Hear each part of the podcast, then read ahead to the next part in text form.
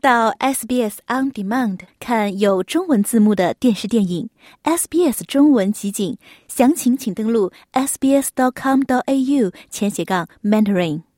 从法律角度看待社会现象，以专家意见指点生活迷津。请听现场说法，现场说法，您了解法律、咨询问题的空间。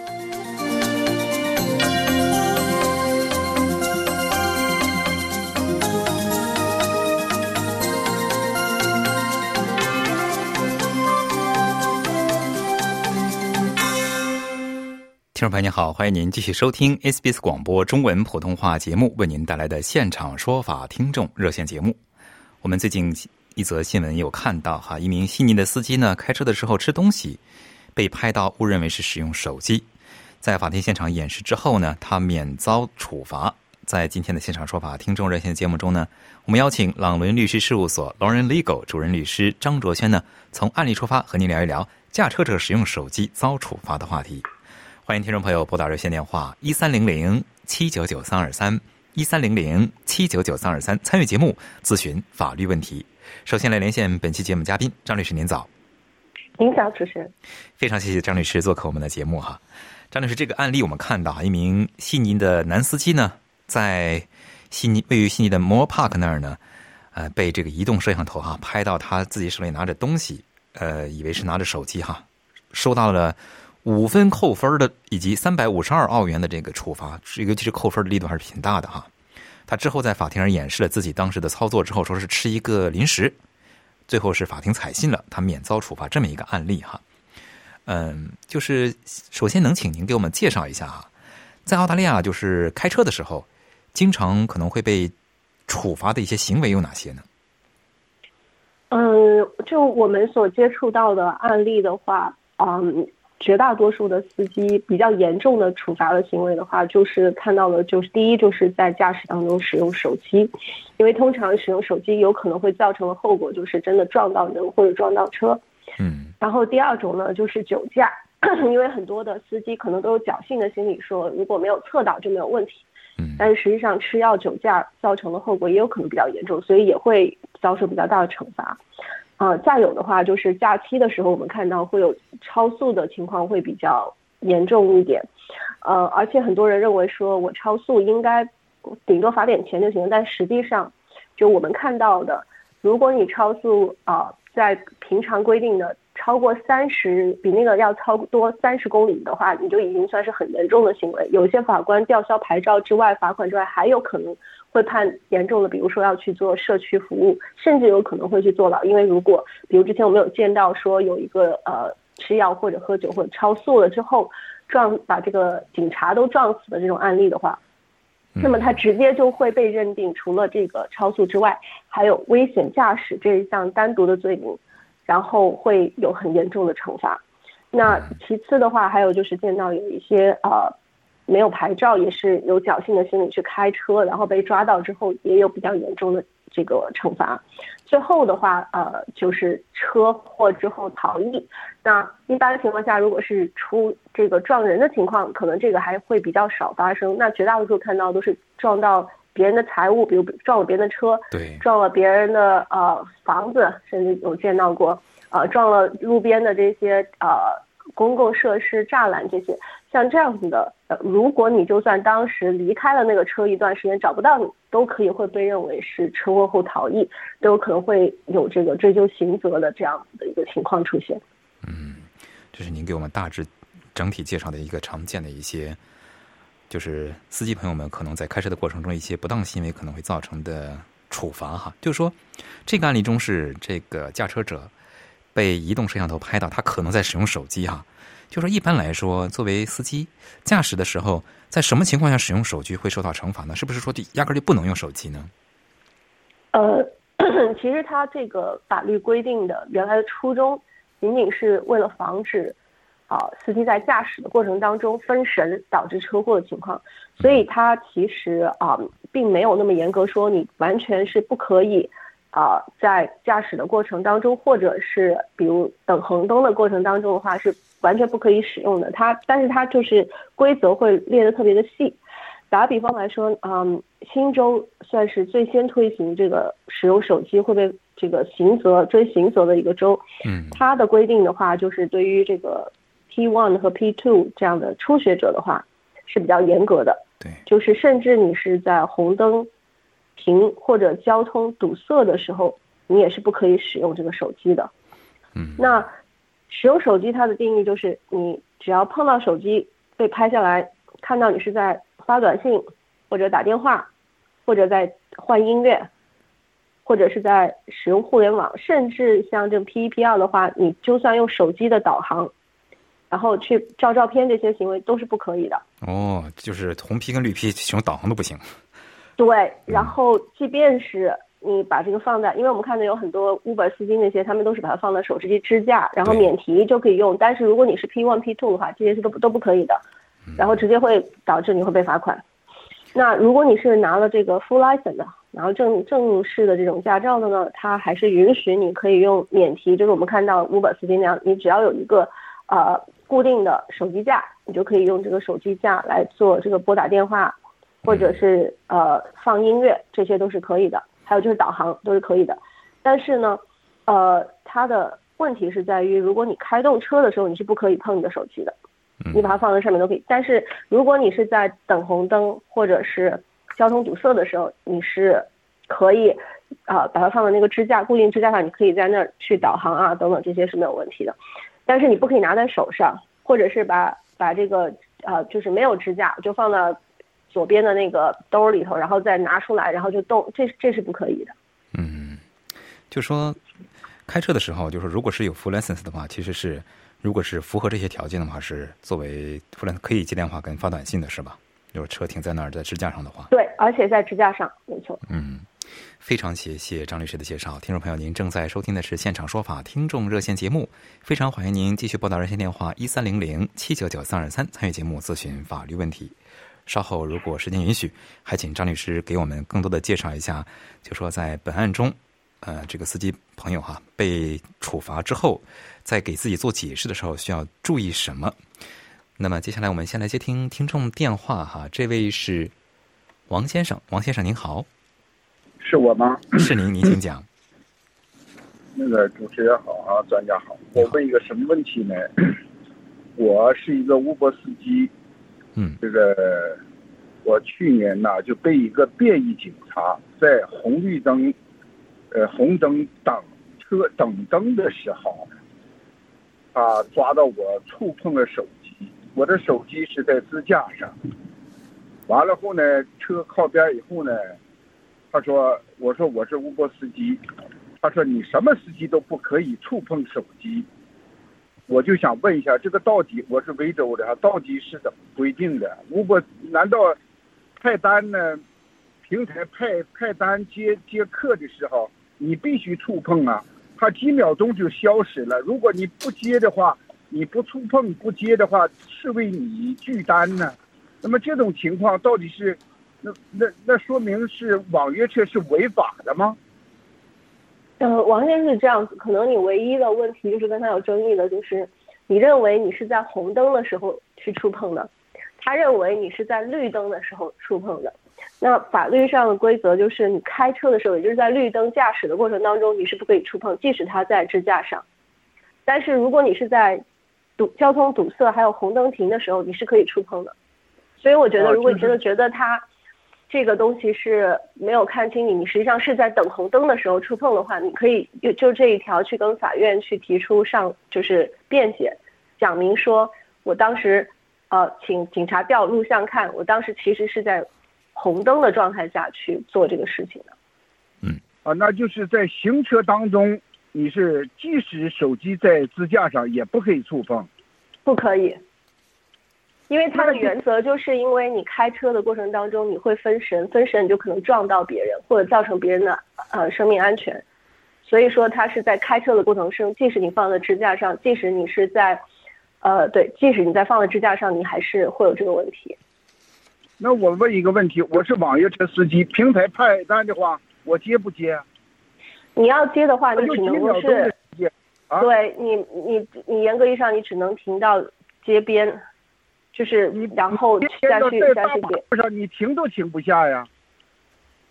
你大马路上有七八十，你根本就停不下来呀。但是法律上的规定的话，你只有这样做才能是符合法律的规定。专专家，我就我这法我我我理解法律上，就是我就问网约车在澳洲是不是违法的？没有违法呀，这个概念啊，并不没有违法的话。那么我从事这项工作的话，那么平台派单，如果我多次拒单的话，就要封我的号。那么这个问题怎么解释啊？那我觉得你需要跟平台去沟通，因为法律规定是你在开始开车的过程当中不可以触碰平。台说平台也说了，哎呀，澳洲呃这个法律怎么规定，你就按你那个州这个规定来执行。嗯你你说这这这这这怎么解释这个问题？就是刚才律师王先生解释的很清楚，就是您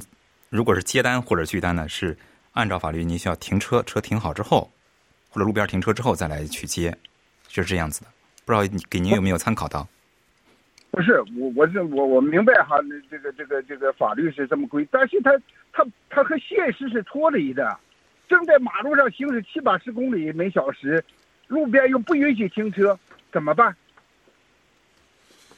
那您就只能够是从对在呃 出高速到的地方小路上出到小路上，然后停下来之后再做，这个是你没有办法的。嗯，啊，供您参考王先生规定的，澳洲就这么规定的，就是说是的，在在红绿灯等红灯变绿灯，在红灯期间，你可以触碰手机，是这个意思，对是，吧？还有就是车堵塞的时候，比如塞车的时候，你的车完全处于停的状态，你是可以触碰的。嗯，啊，供您参考王先生行。行车当中不可以，无论什么情况都不能触碰手机。是的，即便你的手机放在手机支架上，嗯，那你说我上一次被警察，就是便衣警察抓到以后呢，你的意思说，在等变成绿灯的时候，那么他认为我是，呃，触碰手机，是这个意思啊？是您说的，不是我说的。然后我说，您说如果您是这样主张的话，您可以去跟法院去争。就像这个案件当中，这个司机他说我没有触碰手机，我是吃东西，那我去跟法院解释。嗯这是给您一个参考，那王先生。啊，那刚才你说那个人悉尼这个司机他吃东西，最后没有罚罚款。澳洲不是规定不允许开车吃东西吗？呃，悉尼 在新州的话，吃东西按照法律规定是可以吃的，就是说停在那儿是可以吃的。嗯，哦，好嘞好的，供您参考，王先生哈，谢谢。谢谢，您祝您顺利。听众朋友，欢迎您继续拨打热线电话一三零零七九九三二三来参与节目，咨询法律问题。张律师在继续接听听众电话之前，我特别想请您给我们简要的介绍一下哈，就像刚才这位听众咨询的一样，如果已经收到了罚单，收到了处罚，这个时候，如果包括这个案例中哈，如果是以这个案例为例，如果作为一个被处罚的一个司机要给自己做解释的话，或者是要求情的话，需要注意些什么呢？呃，需要注意的就是，比如如果仅仅是罚单的话，那两种情况，你如果出了交通事故，轻的话你会收到罚单，严重的话你可能收到警察的 charge sheet，也就是起诉的文件。那无论是哪种情况，罚单的话，你都是也可以选择说我不交钱，然后直接去法院向法官解释。嗯那么如果是这种呃情况发生的话，那么如果当时发生这个事情的时候你是有意识的，比如说像刚刚啊、咨询的那那一位王先生，那你当时就会要求啊、呃就因为我们通常人出了这个事情都会比较没遇到过，都有可能会出现大脑空白这个。但是如果您听了我们的节目的话，你就知道，一旦出了这些事情，你第一个反应就是要保留证据。嗯比如说他王先生这个警察说怎么样，他再怎么凶，首先无论我做错什么事情，你的态度都没有必要对我凶，我们是解决问题的。然后你既然说我做错了什么，我认为我没做错什么，那我们你说我做错的东西，我要求你把证据给我。然后如果警察呃说哦这个比如有 CCTV 就我之后再去调没问题，那你先告诉我你的警号是什么，嗯然后你说我做了什么这样的事情。如果是对方是司机这种情况，那行，我们相互交换 driver license 的信息或者是电话信息，然后你说我撞了或者是做了什么错事情，我们马上照相，嗯，保留好这个证据。这些东西做完之后的话，那么之后你有可能呃为自己辩解，或者就是比如就算我造成一定的损失或者出了一定问题，我也不至于会有一个人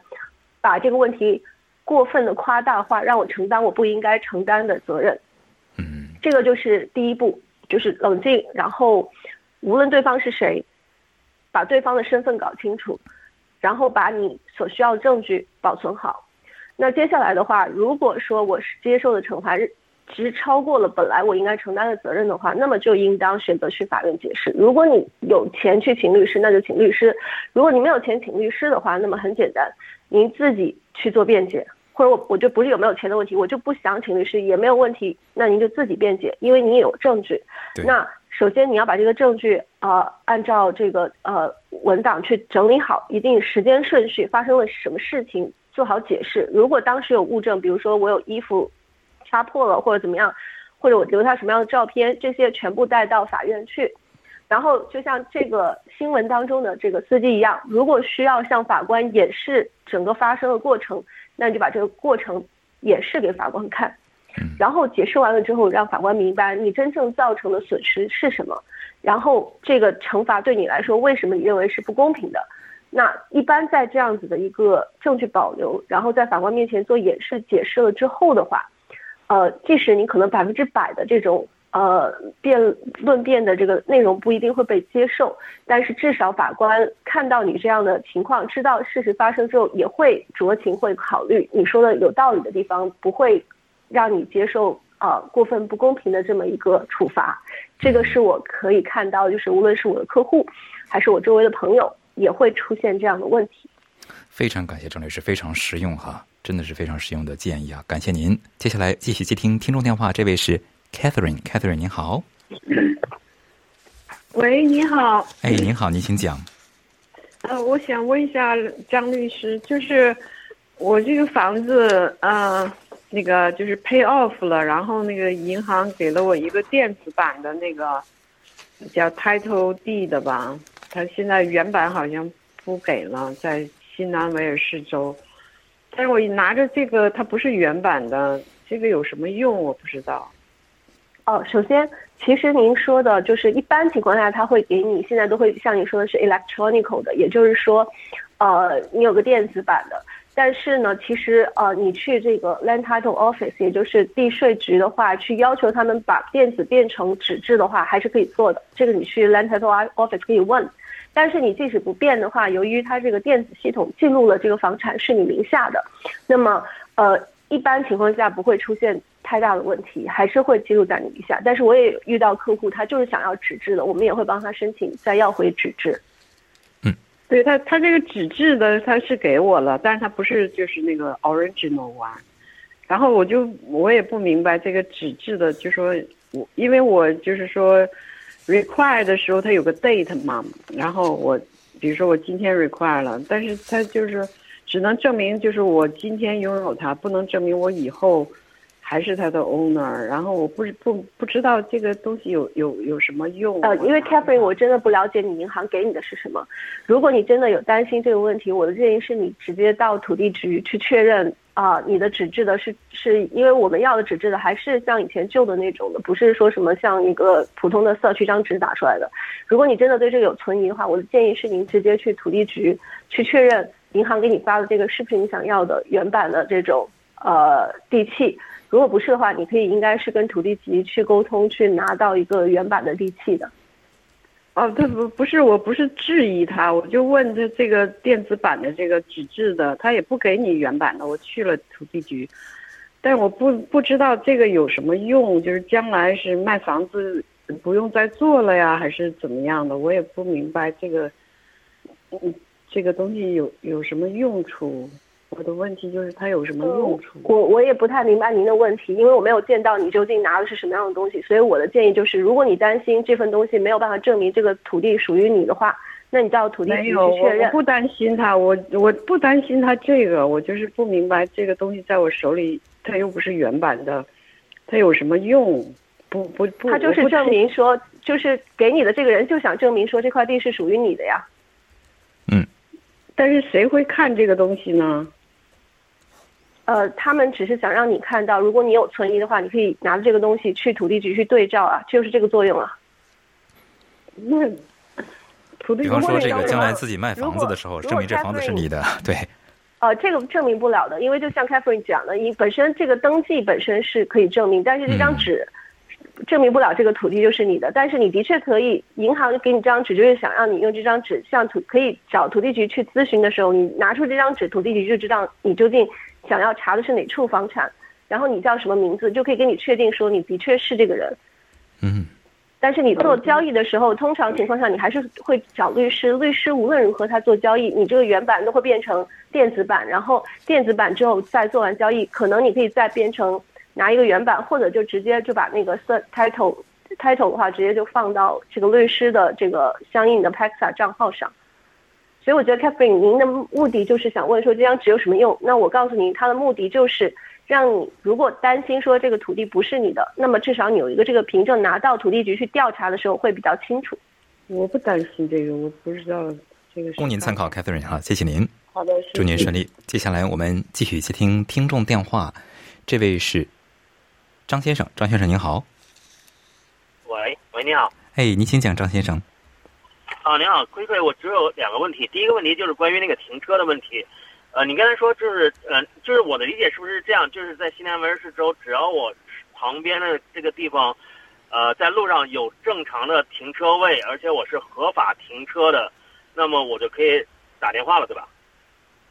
对，只要您是不是在开车的过程当中。你就可以打电话，对。我需要我需要熄火吗？不需要。OK，第二个问题就是说，呃，其实我是这样，我有一个呃小官司，然后我是我已经被警察 charge 了，然后呢，这个当时警察 charge 我的时候，因为我是平生第一次嘛，因为呃，所以当时警察 charge 我的时候，我非常的紧张，然后第二天我就特别害怕的就找了一个律师。然后当时这个律师给我发信，就是说他要解决这帮我解决这个 case，大概是这么多这么多钱。但是呢，他说你需要呃先付我 ten percent 的那个 deposit。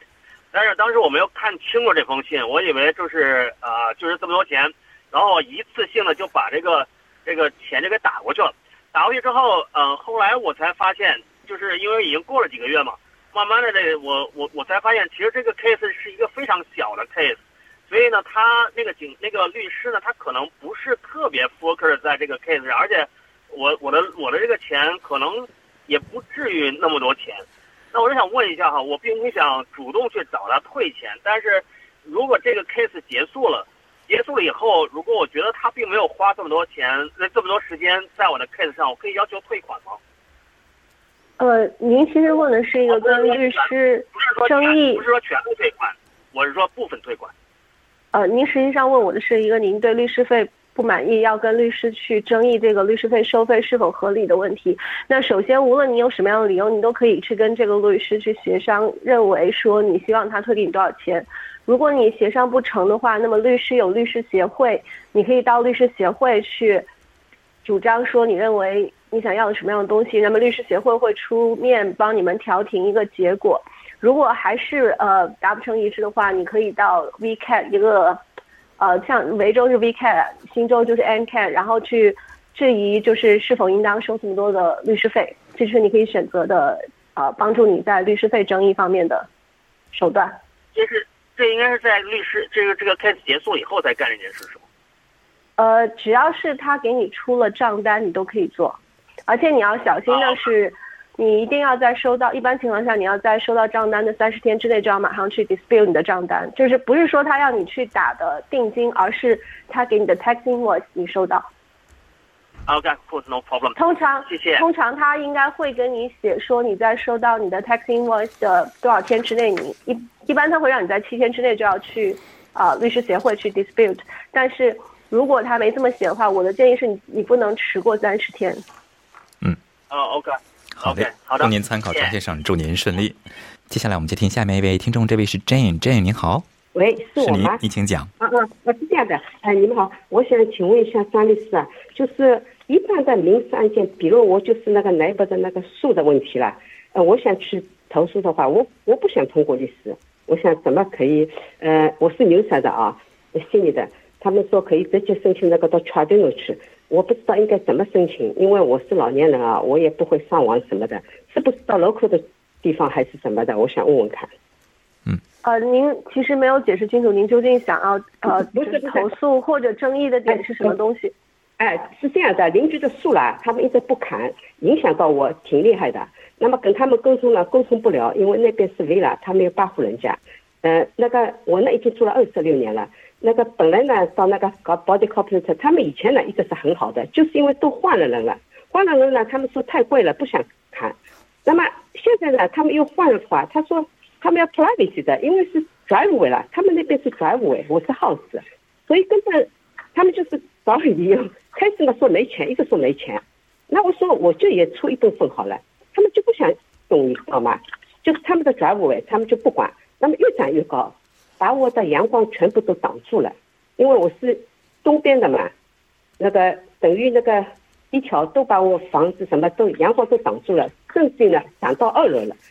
本来呢是在三尺上面呢，他一年修几次，他们一直很好的，就是最近五六年开始不搞了。因为我们也年纪大了，身体也不好，也跟他们也沟通不了，因为都是外国人嘛，是吧？他们大户人家。剩下一点时间，我们请张律师给您简要的介绍一下怎么做。好的，好的，好的，好的。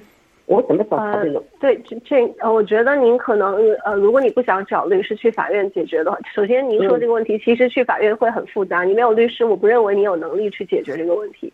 那如果你不想通过律师，那就只能通过谈判，也就是去跟他们交涉。如果您年纪大，我觉得您只能够尝试去联系当地的这些社工，还有就是一些呃属于当地的一些民间组织，让他们去帮你去跟这个房主去沟通、去谈判。呃，否则的话，您可能也没有别的办法可以解决。好嘞，由于时间关系，这供您参考哈。非常感谢张卓轩律师做客今天的现场说法听众热线节目，对我们一如既往的支持，也非常感谢听众朋友们早上两个小时的陪伴。因个人情况因人而异，法律问题复杂，本节目仅供一般性参考，并无意提供任何个案法律建议。具体法律纠纷，请您咨询专业的律师。了解澳洲，融入澳洲，欢迎登录 sbs 点 com 点 au 前斜杠 language 前斜杠 mandarin，获取更多澳大利亚新闻和资讯。